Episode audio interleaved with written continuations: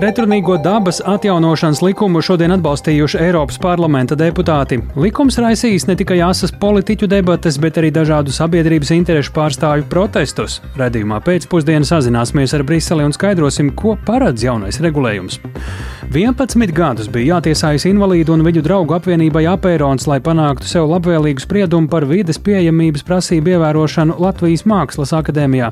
Vairāk par šo lietu stāstīsim raidījumā pēcpusdienā, bet Latvijā vēl Vēl vienai mirušai lapsai konstatēta putnu gripa, un eksperti aicina modrāk uzraudzīt arī kaķus un suņus. Arī par to plašāk raidījumā pēcpusdienā kopā ar mani Tāli Eipuru.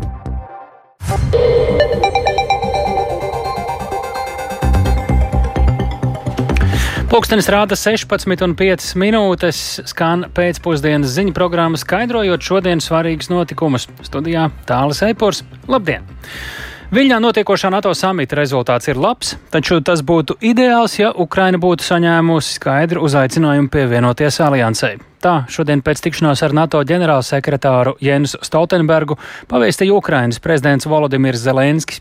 Lai noskaidrotu jaunāko par notiekošo samita otrajā no divām dienām, esam tiešraidē sazinājušies ar kolēģi Rihardu Plūmi Viļņā. Sveiks, Rihard! Zinot, ka Ukraiņi nu, ir pauduši neapmierinātību ar to, kāds NATO lēmums attiecībā uz Ukrainas ceļu uz dalību NATO ir pieņemts. Nu, kā tu teiktu, kāda atmosfēra tad valdīja Stoltenberga un Zelenska preses konferencē šodien, jo arī pats Zelenskis bija visai skarbi iepriekš izteicies?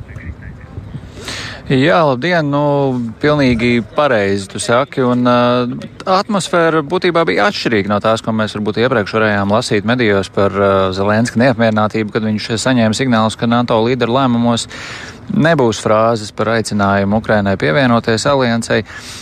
Jāsaka, ka nekādu niknumu no Zelenska puses preses konferencē gan nevarēja saklausīt, tomēr nu, neliels rūgtums jau gan bija nolasāms, proti Zelenskis sacīja, ka samita rezultāts ir labs, bet būtu ideāls, ja Ukraina bū, būtu uzaicināta iestāties aliansē, kā jau tu minēji.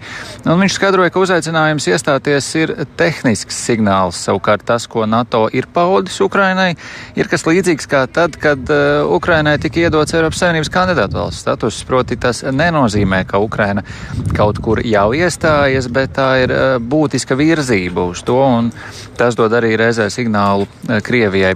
Paklausīsimies īsi, ko tad uh, Zelenskis uh, teica atbildot uz vienu no žurnālistu jautājumiem. Ніхто не хоче, щоб була світова війна. Neviens nevēlas pasaules karu. Es vēlos, lai visi saprastu, ka esam civilizēti un adekvāti cilvēki. Ukraina cīnās un patiesi saprot, ka tā nevar būt NATO dalība valsts, kamēr karš turpinās mūsu teritorijā. Tas ir pilnīgi skaidrs.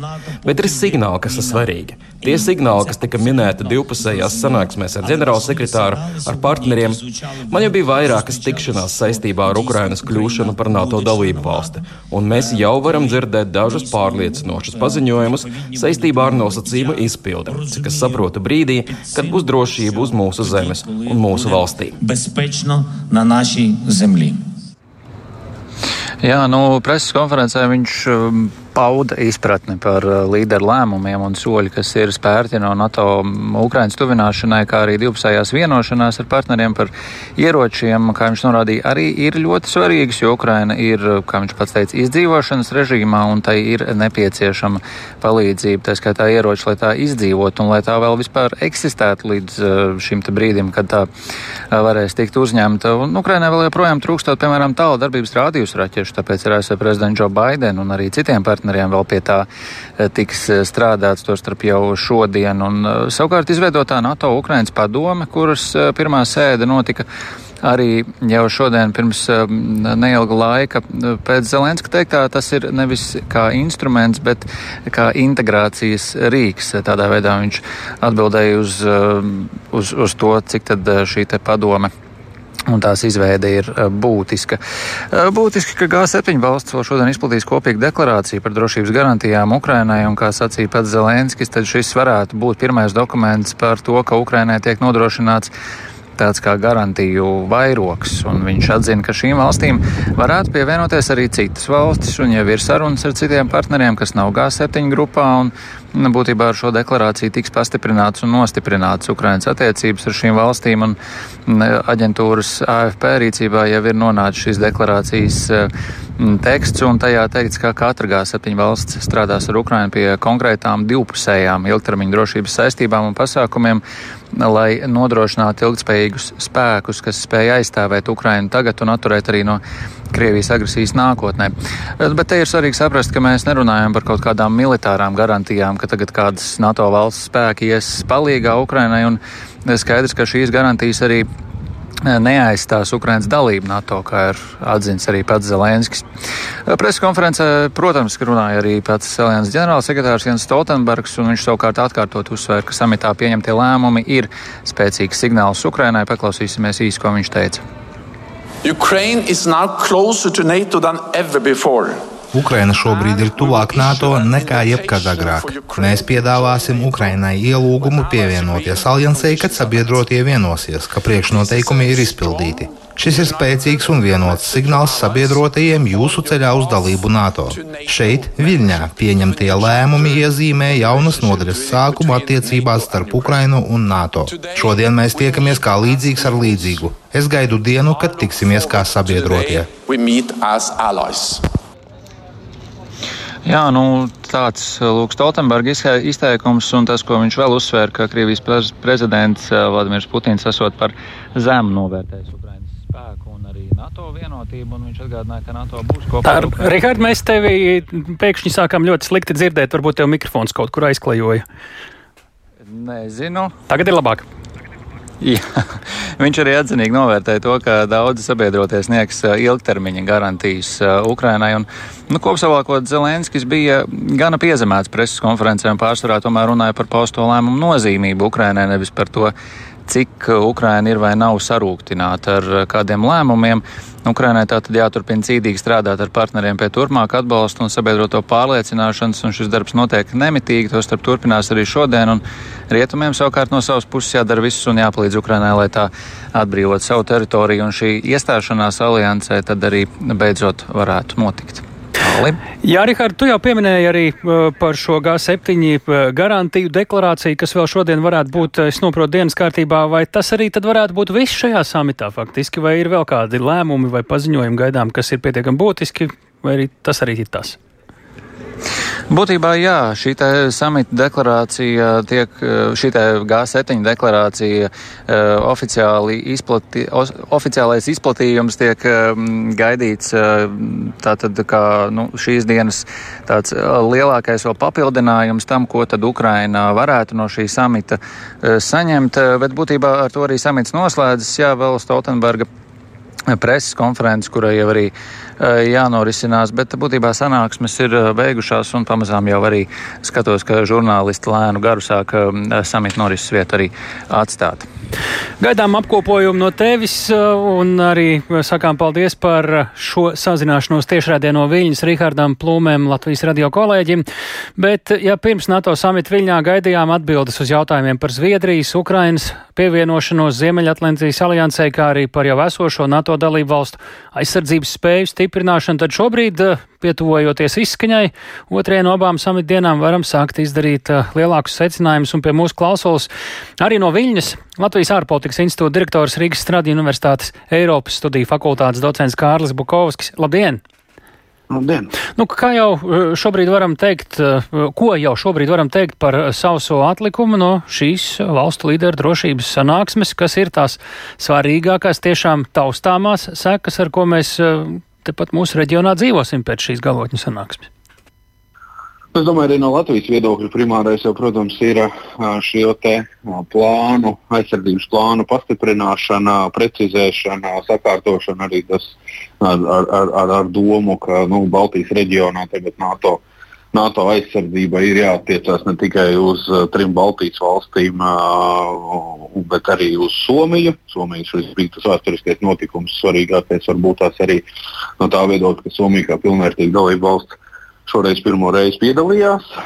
Protams, arī signāls pirms tam pozitīvie signāli no, no Turcijas un, un Ungārijas par Zviedrijas tuvināšanos. Nu, tie, tie, tie ir būtiski nu, attiecībā uz Ukrajinu. Ja mēs tā paskatāmies sausais atlikums, principā. Nu, Tas daudziem varbūt tās vēlamais un gribētais, ka Ukraina uzņemtu NATO, gan arī šodien jau Uh, nu, tas, nav, tas nav piepildījies, bet nu, mums ir jāņem ar, vērā arī nu, realitāte par to, ka nu, Ukraiņas uzņemšana tūlītēji NATO var, var izraisīt kara kara eskalācija vēl lielāka un var izraisīt situāciju, ka nu, NATO valstis patiešām atradīsies tiešā, tiešā, tiešā konfliktā ar Krieviju tajā brīdī. Tāpēc kā alternatīva šīs garantijas papildus spēcīgāku ieroču izsniegšana, arī šo pretrunīgi vērtēto kasešu bumbu sūtīšana, nu, tas ir tie ir, tie ir būtiski, būtiski soļi. Nu, arī arī Ukrainas, no Ukrainas aizsardzības turpmākās aizsardzības un arī pretuzbrukuma veidošanas viedokļa raugoties. Kā tad varam rezumēt, vai par spīti visiem uh, vilšanos uh, pietiekami pilnajiem izteikumiem no Ukrainas uh, var teikt, ka Ukraina tomēr no samita aiziet, nu, ja tā var teikt, plusos? Ukraina pilnīgi noteikti aiziet plusos, un ja mēs tā skatāmies uh, uz to, cik veiksmīgi vai neveiksmīgi šie pieņemtie lēmumi, nu, tad man liekas, tas labākais piemērs ir tam, ka Kremlis jau ir norēģējis, ka nu, viņiem nepatīk ne G7 valstu drošības garantiju. Uh, ideja ne kasešu bumbas, nu, ka respektīvi viņi ir nobijušies no šī te, ka nu, tas parāda, ka tomēr uh, lieki, uh, lieki šie lēmumi un uh, nesvarīgi viņi nav. Un Ukraiņas viedokļa raugoties, protams, ka nu, uh, NATO, NATO dalība, es domāju, nu tā um, racionāli domājošie Ukraiņi jau ļoti labi saprata, ka, ka nu, diez vai tas tikai tā notiktos, jo nu, NATO jau karojošs kara stāvoklī esošas valstis tomēr, tomēr, tomēr neuzņem. Jo nu, tas pats desmitais pants bieži vien piesauktais, nu, viņš, jau ir, viņš jau ir par to, ka uh, ar, ar jaunas valsts uzņemšanu aliansei un, pār, un tā, tā esošajām dalībvalstīm ir jājūtas drošāk no Ukrainas uzņemšana tagadējā stāvoklī, tagadējā situācijā, kurā valsts atrodas, diemžēl, nu, tur tas, protams, tas automātiski neizpildītos. Tik tālu paldies uh, sarunā no Viņas Kārlis Bukovskis. Uh, noteikti vēl plašākās sarunās tiksimies vai tiksties ar kolēģiem, lai analizētu šī samita iznākumus un jau aktuālākus jautājumus. Mēs turpinām pieslēdzoties tematiem Briselē, nu, un, protams, ja Brisele, tad tas attiecas arī uz Latviju. Pēc asām debatēm Eiropas parlaments šodien tomēr pirmajā lasījumā atbalstīja dabas atjaunošanas likumprojektu. Eiroparlamentāriešu balsis sadalījās gandrīz pusi uz pusi, līdz ar to pretrunīgā likuma projekta likteni izšķīra vien dažas balsis. Dabas atjaunošanas likuma pretinieki saka, ka tas uzliks pārāk lielu slogu zemniekiem un apdraudēs zaļās enerģijas projektu attīstību. Likuma aizstāvji šos apgalvojumus sauc par klajiem meliem. Debatēm sako arī mūsu Briseles korespondents Artjoms Konohaus. Ar viņu esam sazinājušies tiešraidē. Sveiks, Artjom! Kādēļ šis likums ir izraisījis tik asas viedokļu sadursmes un pat protestus.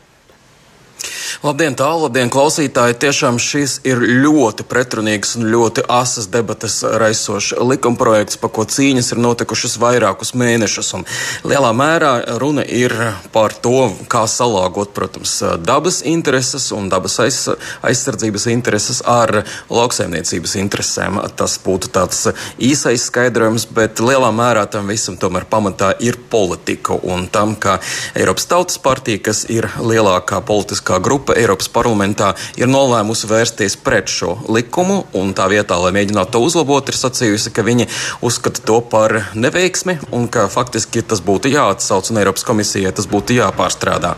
Un viņi ir sabloķējušies kopā ar konservatīvajiem un arī eiroskeptiķiem un kopā tad, tad ir mēģinājuši šo uh, likuma projektu uh, noraidīt. Bet tas tomēr viņiem nav izdevies, lai gan iepriekš šie soļi tomēr ir bijuši pietiekami veiksmīgi. Un tas ir pietiekami liels un uh, nozīmīgs pavērsiens Eiropas politikā, gaidot arī nākamās Eiropas parlamenta vēlēšanas un to, kā Eiropas Tautas partija mēģinās sevi pozicionēt. Bet, ja atgriežamies tomēr pie satura, par ko tad ir īsti šis dabas atjaunošanas likums, uh, tad paklausīsimies, ko ir sacījis Eiropas Savienības vides komisārs Virgīnijas Sinkevičs debatēs parlamentā. The consequences of the climate and biodiversity crisis are becoming increasingly visible. Klimata un bioloģiskās daudzveidības krīzes sekas kļūst arvien redzamākas arī tepat Eiropā. Tās jau ietekmē gandrīz visus iedzīvotājus un gandrīz visas ekonomikas nozares. Tās rada vienus no lielākajiem draudiem pārtikas drošībai. Lai garantētu ilgtermiņa pārtikas drošību un mūsu lauksaimniecības zemes, mežu un jūru noturību, mums ir jāuzlabo to bioloģiskās daudzveidības stāvoklis. Dažas no šīm ekosistēmām jau ir smagi apdraudētas, jo ir sausums, ugunsgrēki un augsne ir degradēta. Tas ietekmē pārtikas ražošanu un iedzīvotāju labklājību, it sevišķi laukos.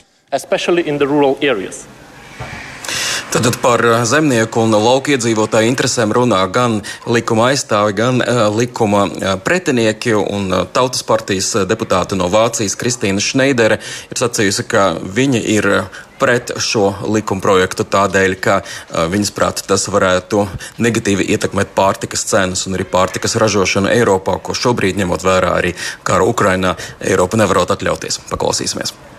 Im Ziel sind wir uns einig, jedoch nicht in dem Weg. Mēs piekrītam mērķim, bet ne veidam, kā to sasniegt. Šis priekšlikums ved mūs pilnīgi nepareizā virzienā. Bioloģiskās daudzveidības aizsardzībai ir jāiet roku rokā ar iedzīvotāju interesēm, nevis jākalpo par pamatu, lai vainotu mūsu zemniekus, mežsaimniekus un zvejniekus par dažādu sugu izzušanu, nevis liedzot ražot ar vien lielākā zemes platībā un tādējādi apdraudot pārtikas drošību un pieejamību saimniecību, nevis pretnostādot dabas saglabāšanu un ilgtspējīgu saimniekošanu. Tad, lielā mērā tomēr cīņa ir politiska un cīņa ir par to, par kādām partijām tad balsos lauksaimnieki un zemnieki nākamajās Eiropas parlamenta vēlēšanās. Tāli. Tās ir pietiekami tuvu, tomēr mēs jau teicām, ka šis šim dabas likuma projektam ir tikai pirmais lasījums, tātad ne galīgais, acīm redzot, kas tālāk notiek. Jā, tik tiešām cīņa vēl nav galā un varētu gaidīt, ka Eiropas Tautas partija mēģinās eh, vēl nākamajos balsojumos tomēr eh, panākt savu un um, nepieļaut šī likuma pieņemšanu, bet vispirms ir gaidāmas sarunas ar dalību valstīm par to, lai nonākt pie galīgās versijas, pie galīgā kompromisa. Un te Spānijas prezidentūra, ka, kas ir tikko sākusies, spēlēs arī pietiekami nozīmīgu lomu. Viņi ir solījuši, ka viņi ļoti aktīvi strādās pie šī likuma projekta virzības.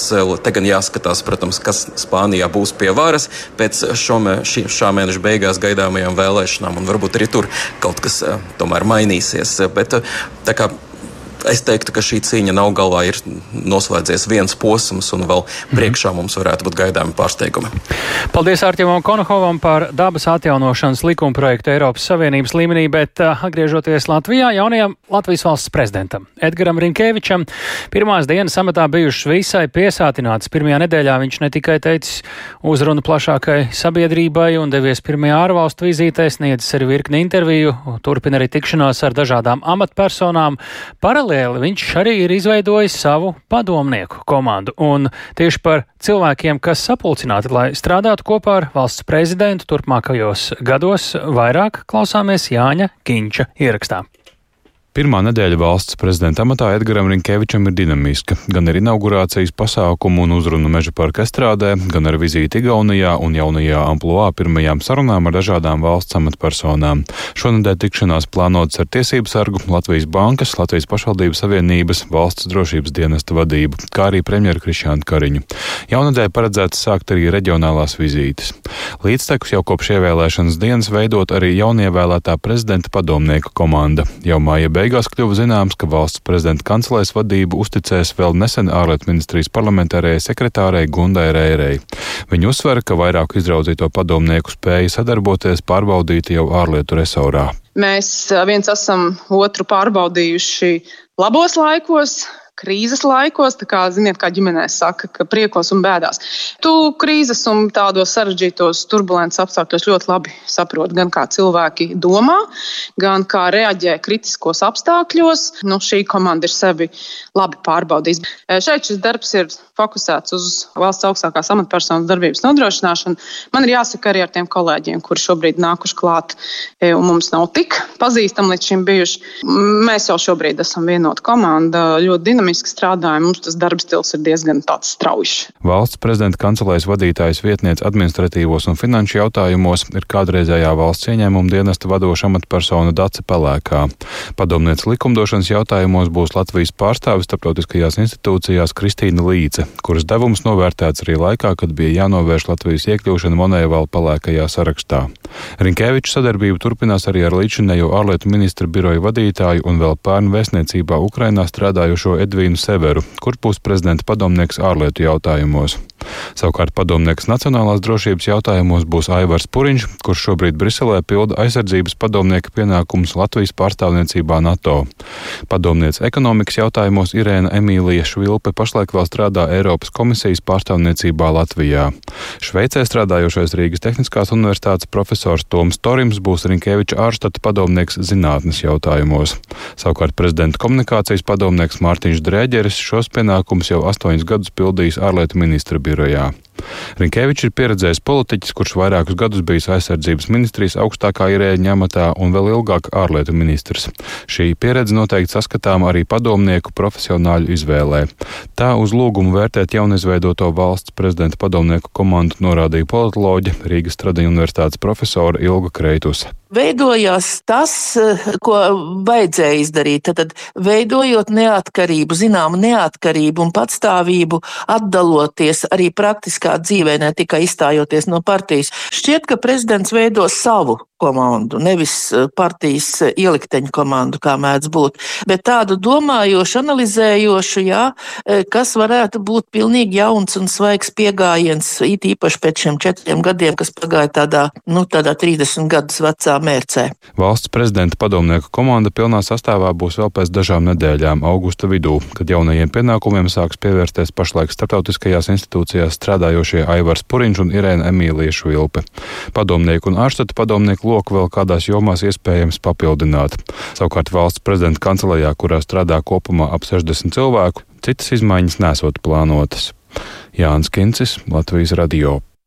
Līdz ar Edgara Rinkeviča stāšanos valsts prezidenta amatā daudz liek cerības uz vienlīdzīgākas sabiedrības veidošanu Latvijā. Par vienlīdzīgāku sabiedrību arī turpinām. Saimas kavēšanās dēļ cilvēki ar garīga rakstura traucējumiem var palikt bez palīdzības un iespējas pašiem pieņemt sev nozīmīgus lēmumus. Uz to norāda Tiesības sarga birojas, atgādinot, ka politiķu gaiteņos joprojām ir iestrēdzis regulējums par atbalsta personām lēmumu pieņemšanā, cilvēkiem ar ierobežotu rīcības spēju.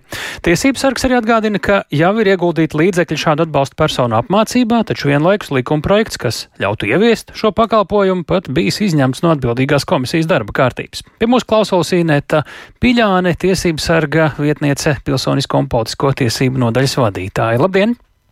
Es sveicināti! Divos vārdos, kas ir atbalsta persona lēmumu pieņemšanā?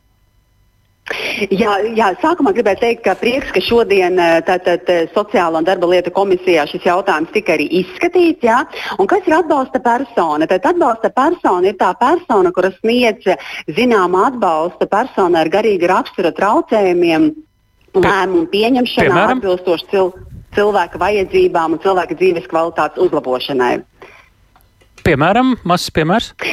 E, Maz piemērs, jā, proti, ja cilvēkam ir kaut kāds sociāls dabas jautājums, nav nokārtots, vai nu pensija nav nokārtota, vai nu, piemēram, viņš grib vērsties kādā iestādē tāda vai savādāka jautājuma risināšanai, un viņš nezina, kā to at, izdarīt. Atbalsta persona sniedz viņam zināmu atbalstu, kā to jautājumu vispareizāk un efektīvāk nokārtot personas interesēs, atbilstoši cilvēka vajadzībām. Un, uh, tas patiešām ir ārkārtīgi nozīmīgi un svarīgi, jo šīm personām nereti patiešām ir grūti saprast, ne, gan uh, nu, notikumus, kā pareizāk tos uh, labāk risināt, gan arī zināšanu trūkums, vai arī nereti varbūt protams, arī slimības un veselības stāvokļa dēļ viņi ir grūti īstenot šos attiecīgos pasākumus. Tādējādi tas ir milzu solis būtu priekšā valsts tiešām šo attiecīgos uh, likumu pieņemt būtu pēc iespējas ātrāk, tad arī tā rezultātā personas arī varētu kvalitatīvāk arī iekļauties uh, sabiedriskajos procesos dzīvē un arī būtu mazāks apgrūtinājums arī pašvaldībām. Jūs sakāt, būtu, varētu, līdz ar to šobrīd tās kārtības vēl nav mums oficiāli pieņemta. Uh, šodien par šo likuma projektu tātad, kā jūs teicāt, beidzot sprieda atbildīgajā saimnes komisijā, bet cik tālu līdz šim mēs bijām tikuši ar šo pakalpojumu un kur iestrēgām? Ja ir tā, ka šobrīd tāds pakalpojums konkrēti likumā nemaz nebija noteikts, ja tagad atbalsta personas lēmumu pieņemšanā pakalpojums vispār nebija sociālās palīdzības un pakalpojuma likumā arī nemaz paredzēts. Ja. Šobrīd bija tā, ka um, bija pilotprojekts, jā, ko īstenoja uh, resursu centrs Zelda, pilotprojekta rezultāti parādīja tiešām ļoti labus rezultātus, kas sniedzot zināmu atbalstu personās, kvalitatīvāk var vadīt savu dzīvi un iekļauties sabiedrības, saka, šajos te, nu, procesos, bet šobrīd arī tur bija tā lielākā problēma, ka likumā nemaz šāds pakalpojums nebija arī paredzēts. Jaunums ir tāds, ka likumdevējs šobrīd grib šo pakalpojumu iekļaut likumā, Pēc tam tiks izstrādāti ministru kabineta noteikumi, kur tālāk jau atrunās jau nu, visus pakārtotus jautājumus gan par to apjomu un visām citām lietām. Tādējādi ir ļoti svarīgi nekavēji, ne, lai nenotiktu ilgstoša kavēšanās, kā līdz šim tas jau ir bijis. Jo, kā zināms, Latvijas valstī jau ANO konvencija pret invaliditātes konvencija ir spēkā jau vairāk kā desmit gadus. Ja? Valstī ir jāciena un jārespektē personas ar invaliditāti un jānodrošina atbilstoša palīdzība un atbalsts cilvēku vajadzībām vajadzīgām. Cik daudz tādu cilvēku, uz kuriem attiektos eh, šis atbalsta persona lēmumu pieņemšanā? Nu, es domāju, uh, tie ir vairāki simti noteikti, vairāki simti noteikti. Šobrīd likuma uh, šajā otrajā lasījumā Saimnes sociāla debalīta komisija, kas tika arī atbalstīts, ja vēlreiz vēršam uzmanību tikai otrajā lasījumā, ja vēl darbs vēl saimē priekšā viņu, respektīvi izskatīt gan saimnes sēdēs, gan arī vēl ir noteikts arī priekšlikuma laiks trešajam lasījumam. Mm, tad um, uz šo brīdi ir tā, ka uh, Uh, respektīvi, nu jā, vēl, ir, vēl tas darbiņš ir nu, priekšā ir darāms gana daudz. Kas tur ir līdz rudens vismaz izskaņai nepieņem to visu galīgajā lasījumā? Uh, nu, ir tā paredzēts šobrīd informatīvajā ziņojumā, ko arī pati valdība bija arī pieņēmusi, bija iecerē, ka ir jāpieņem šo attiecīgais uh, likums līdz 2023. gada 1. novembrim, ja viņam jāstājas. Un ja kavējamies, kas notiek? Jā. Nu, ja tas nebūs, tad tas ir nu, vienkārši arī pat, pati apņemšanās, ko valdība ir apņēmusies, un arī uh, saima ir apņēmusies to ieviest. Tas netiek darīts, un tas ir ļoti nu, slikts signāls sabiedrībai, arī, uh, arī cilvēkiem, cilvēku grupai, kurai šis attiecīgais jautājums, kurus skar. Tā ir, es teikšu, tā ir klāja necieņa pret sabiedrību, ja, pret konkrētu jā. grupu cilvēkiem, ja, kuriem šis pakalpojums ir vitāli nepieciešams un svarīgs. Sākosim, ceru, sākosim kopā līdz šim stāstam. Sākosim līdz šim stāstam vērīgi. Jā un rūpīgi sakām paldies Inetai Piļānai, tiesību sargu vietniecei, pilsonisko un politisko tiesību nodaļas vadītājai. Arī nākamais temats par cilvēkiem ar ierobežotām iespējām pēc 11 gadus ilgas tiesāšanās. Invalīdu un viņu draugu apvienība Apērons panākusi sev labvēlīgu spriedumu tiesvedībā ar Rīgas domas pilsētas attīstības departamentu. Runa bija par vides pieejamības prasību neievērošanu Latvijas Mākslas akadēmijai piedarošajā ēkā Kalpaka bulvārī 13 par situāciju, kas noveda līdz tiesvedībai, un par nesen pieņemto tiesas spriedumu no jau augstākajā tiesā, tās senātā, plašāk Agnijas Lāsdiņas ierakstā.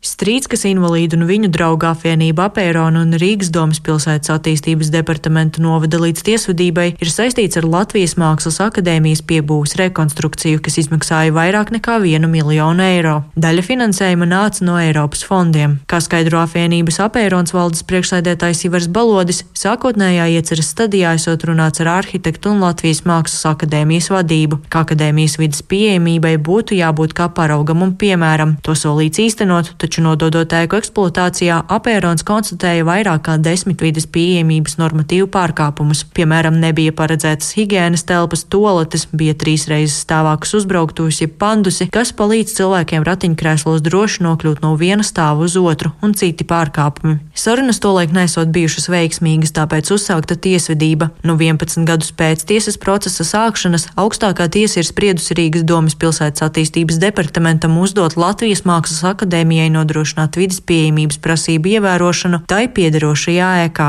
Ivars Balodis uzsver, pēc 11 gadiem tiesa ir atzinusi, ka normatīvus nevar pārkāpt un ka atbildīgi ir ne tikai Rīgas būvvalde, kas pieņēma projektu, bet arī Latvijas Mākslas akadēmija kā projekta pasūtītājs. Tiesa ļoti labi norādīja to, ka ja vidas pieejamības risinājumi, kas pēc tam tiek kaut kādā veidā pielikti klāt, kā tādas papildus piedevas, ja jums būs, ja mēs rekujums uztaisīsim kaut ko, nu tas īsti pareizi nav un tas nedod tev jēgu pilnam. Šajā gadījumā konstitucionālā tiesa, man liekas, ka ļoti labi norādīja to, ka vidas pieejamības risinājumi nu, nav tikai tāds kaut kas atsevišķi vienam vai diviem cilvēkiem ar invaliditāti domāts, un mēs tiem uztaisīsim atsevišķi ieeju, bet tiem risinājumiem jābūt tādiem, lai cilvēks līdzvērtīgi pārējiem varētu izmantot eh, tās pašas funkcijas, ka mēga paredzēta ir. Un sevišķi jaunā ēkā. Tāpat Ivars Balodis stāsta, ka Eiropas fondu finansējuma piešķiršanas mērķis bijis palielināt iespējas cilvēkiem ar invaliditāti studēt augstākās izglītības iestādē, šajā gadījumā Latvijas Mākslas akadēmijā. Bet 11 gadus tas man liekas, ka ir nu, milzīgi garš process, un uh, arī augstākās tiesas senāts vienā no pēdējām sēdēm šajā lietā nu, arī atzina to, ka viņiem bija blakus lēmums, un arī atzina to, ka šīs uzraudzības kontrolas mehānisms un vidas pieejamības jomā ir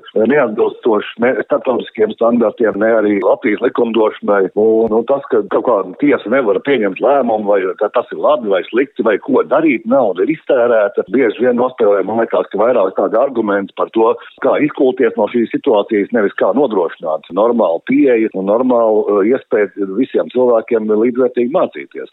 Un tas tā ļoti mulsinoši. Tiesas process gan joprojām nav noslēdzies, jo gan Rīgas domas pilsētas attīstības departaments, gan Latvijas Mākslas akadēmijas spriedumu vēl var pārsūdzēt. Un kā uzsver Rīgas domas pilsētas attīstības departamenta juridiskā nodrošinājuma pārvaldes galvenais juriskonsults Emīls Melgailis, departaments domā un ir plānojis tiesas spriedumu pārsūdzēt. Iestāde nepiekrīt vairākiem tiesas secinājumiem, piemēram, par iestādes bezdarbību, faktisko rīcību nav īsti spriedumā pamatojuma, un otrs, kam nav saprotams iestādēji, šķiet iztrūks tiesiskā pamatu uzliktiem pienākumam, lai iestāde uzliek pienākumu mākslas akadēmijai nodrošināt pieejamību, bet nav noteikts kādā apjomā, kam pieejamība. Tas vispār iztrūkst.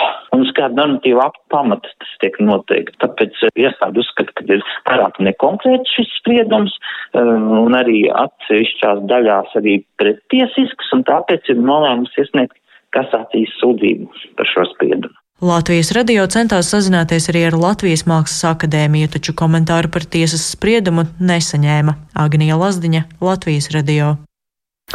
Par savām tiesībām cīnās vēl kāda sabiedrības daļa, vai studenti Rīgā par braucienu sabiedriskajā transportā varēs maksāt mazāk. Par to būs jāspriež pašvaldības atbildīgajai komitejai, tā šodien nolēma Rīgas domas sēdē.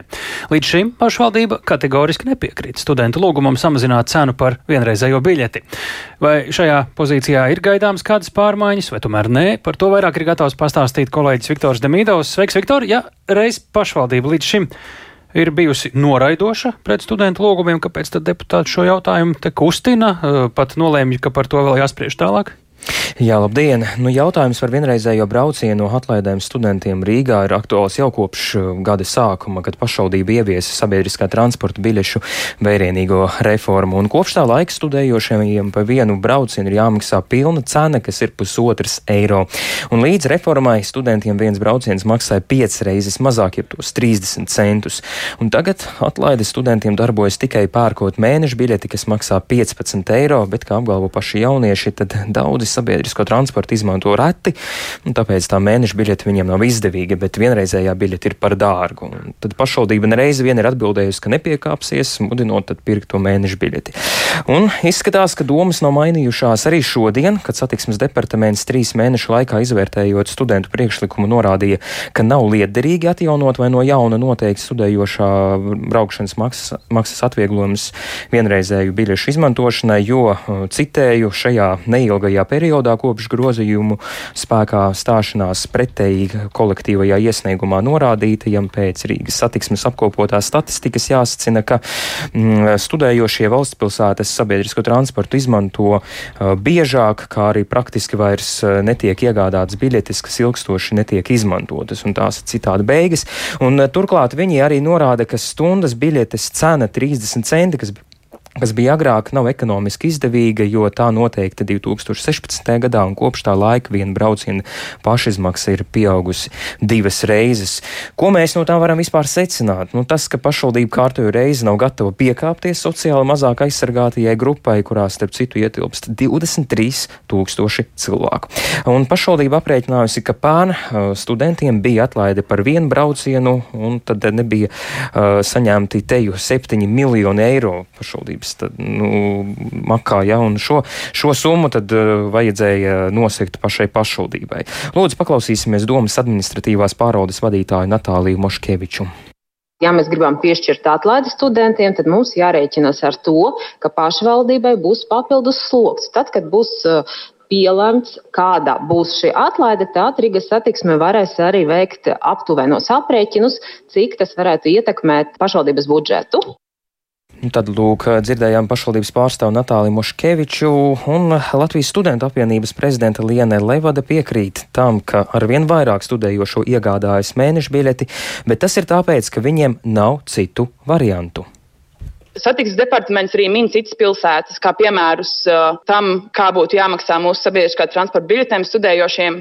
Tomēr viņi nerunā par citu valstu galvaspilsētām. Gan Diļņā, gan Tallinā ir 50% atlaidi studējošajiem arī vienreizējiem braucieniem. Varbūt kādam nešķiet, uh, ka 15 eiro mēnesī ir daudz, tomēr, kā jau tika minēts, izdevumi palielinās, studējošiem ienākumi nepalielinās. Mums joprojām studējošiem ir uh, stipendijas 140 eiro mēnesī. Un uh, katrs eiro ir no svara, ja ir jāstudē un nav, lai nav jādomā paralēli, kā izdzīvot strādājot. Tālāk studentu apvienības pārstāve Liena Levada, un tad šodienas domas sēdes uzdevums bija saprast, ko darīt ar studentu priekšlikumu. Nebija runa par to, vai atbalstīt vai neatbalstīt, bet kā tālāk rīkoties.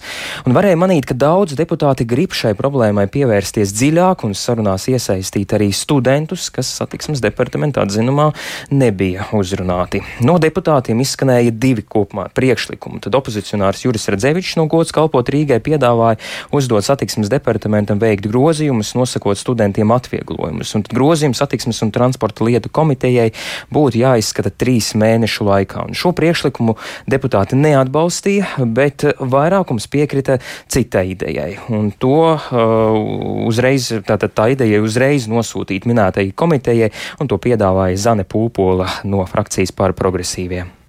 Jāņem vērā, ka šis nevar būt tomēr departamenta lēmums par to, kas būtībā ir politiska izvēle. Departaments var, protams, pieņemt lēmumu uzlikt uz uh, Rīgas pašvaldības budžetu šādu nopietnu finansiālu slogu, bet tas beigās tomēr ir mūsu politiskā atbildība par to, vai mēs esam vai neesam gatavi kam tādam. Tāpēc arī es uzskatu, ka komiteja ir īstā vieta, kur mums visiem sanākt kopā un nopietni izsvērt visus par un pret, izskatīt dažādus scenārijus, kādas iespējamās atlaides mēs varētu piešķirt, kas ir absolūti neiespējams, kas tomēr ir iespējams. Tālūk deputāte Zane Pūpola, un šo jautājumu tad skatīs nākamajā komitejas sēdē, kas varētu būt tuvāko nedēļu laikā, un tad deputāte arī skatīs to piedāvājumu samazināt mēnešu biļetes un 90 minūšu biļešu cenu par 50%. Un tad var secināt, ka ledus ir sakustējies. Redzēsim pēc rezultātiem vai līdz galam.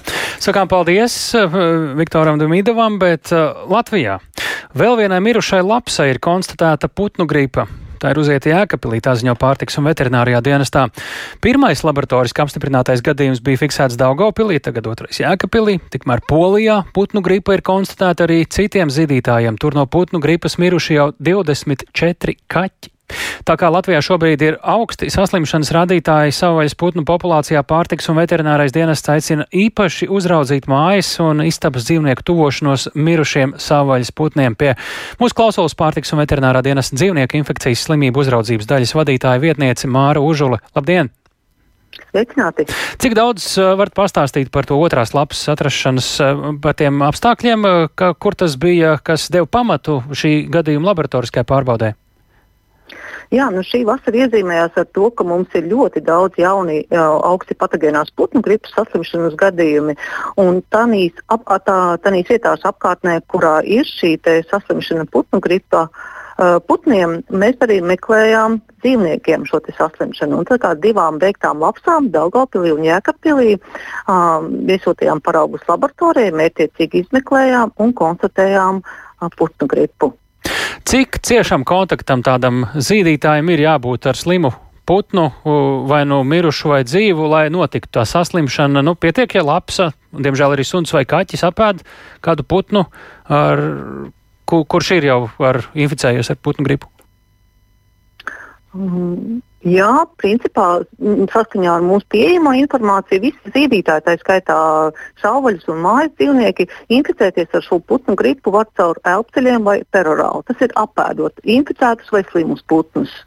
Nu, visvairāk saslimšanai ar putnu gripu ir pakļauti tieši tie dzīvnieki, kuri kur atrodas apkārtnē vai vidē, kur putniem ir bijusi konstatēta šī augsti patogēna H5N1 vīrusu infekcija. Nu, šādā gadījumā dzīvnieki, tā skaitā kaķi, nu, saskaras ar apkārtni vai vidi, kurā ir atradušies vai atrodas šie slimie putni, vai ūdensputni, vai, vai, vai, vai vienkārši saules putni. Nu jā, mēs zinām, ka suņiem un kaķiem eh, citi kustoņi interesē. Kā cilvēkiem te saimnieki droši vien daudz tagad satraucas atpazīt tās nelāgās pazīmes savā mājdzīvniekā un kā rīkoties, ja ir aizdomas, ka ir bijis kontakts ar slimu vai mirušu putnu no putnu gripas, un arī maidzīvnieks sāk izskatīties aizdomīgi? Nu, pēc mums pieejamās informācijas, uh, kā poļu kolēģi arī ziņo, tad kaķiem var būt um, teiksim, slikta pašsajūta, viņiem var būt, viņi atsakās no ēdiena, viņiem var būt drūcis, viņi var būt tādi um, letarģiski, tādi tā kā nomākti.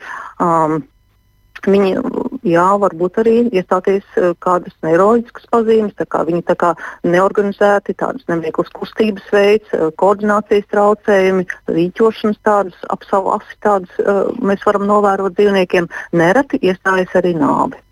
Tāpēc dzīvnieku īpašniekiem mēs ieva, lūdzam būt vērīgiem, atbildīgiem, ievērot gan personīgo higiēnu, gan ikdienā, gan īpaši izējot pastaigās dabā. Jo nu, visa daba mums jāuzskata kā potenciāli kontaminēta ar šo putnu gripas ierosinātāju. Vai ir pamats domāt, ka Latvijā mirušo zīdītāju skaits reāli ir lielāks, bet mēs tos vienkārši neatrodam un nepārbaudām? Nu, mēs pārbaudām tik daudz, cik mums tiek ziņots par beigtiem dzīvniekiem, par beigtiem zīdītājiem. Uh, Un mēs pārbaudām jebkuru gadījumu, kas, kas mums liek aizdomāties, ka ir risks, ka, tā, ka tur varētu būt konstatētas uh, putnu gripa. Līdz ar to aicinājums šobrīd uh, mājdzīvnieku saimniekiem. Mājdzīvnieku saimniekiem ievērībai lūdzu, jebkuru dzīvnieku saslimšanas gadījumā saimniekam ir jāvēršas pie sava veterinārā ārsta ar bažām, lai dzīvnieks tiktu izmeklēts, rūpīgi izmeklēts un testēts. Kaut kā īpaši jāvērš vai cimdos un maskās? Vienkārši, vien, vienkārši piezvanot veterinārā ārstam un piesakot vizīti. Ņemam to vērā.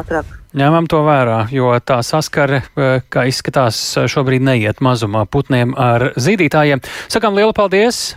Pārtiks un veterinārā dienesta dzīvnieku infekcijas slimību uzraudzības daļas vadītāja vietniecei Mārai Užulai un sakām paldies, ka klausījāties raidījumu pēcpusdienu. To veidoja Tālis Eipurs, Silze Agīnta, arī Kaspars Groskops, Kristaps Runģis. Ja vēlties šo raidījumu noklausīties jums ērtā laikā, to varat darīt Latvijas radio mobilajā lietotnē vai visās zināmākajās raidierakstu platformās. Mēs tiekamies kā katru darba dienu pēc ziņām 4 un 5.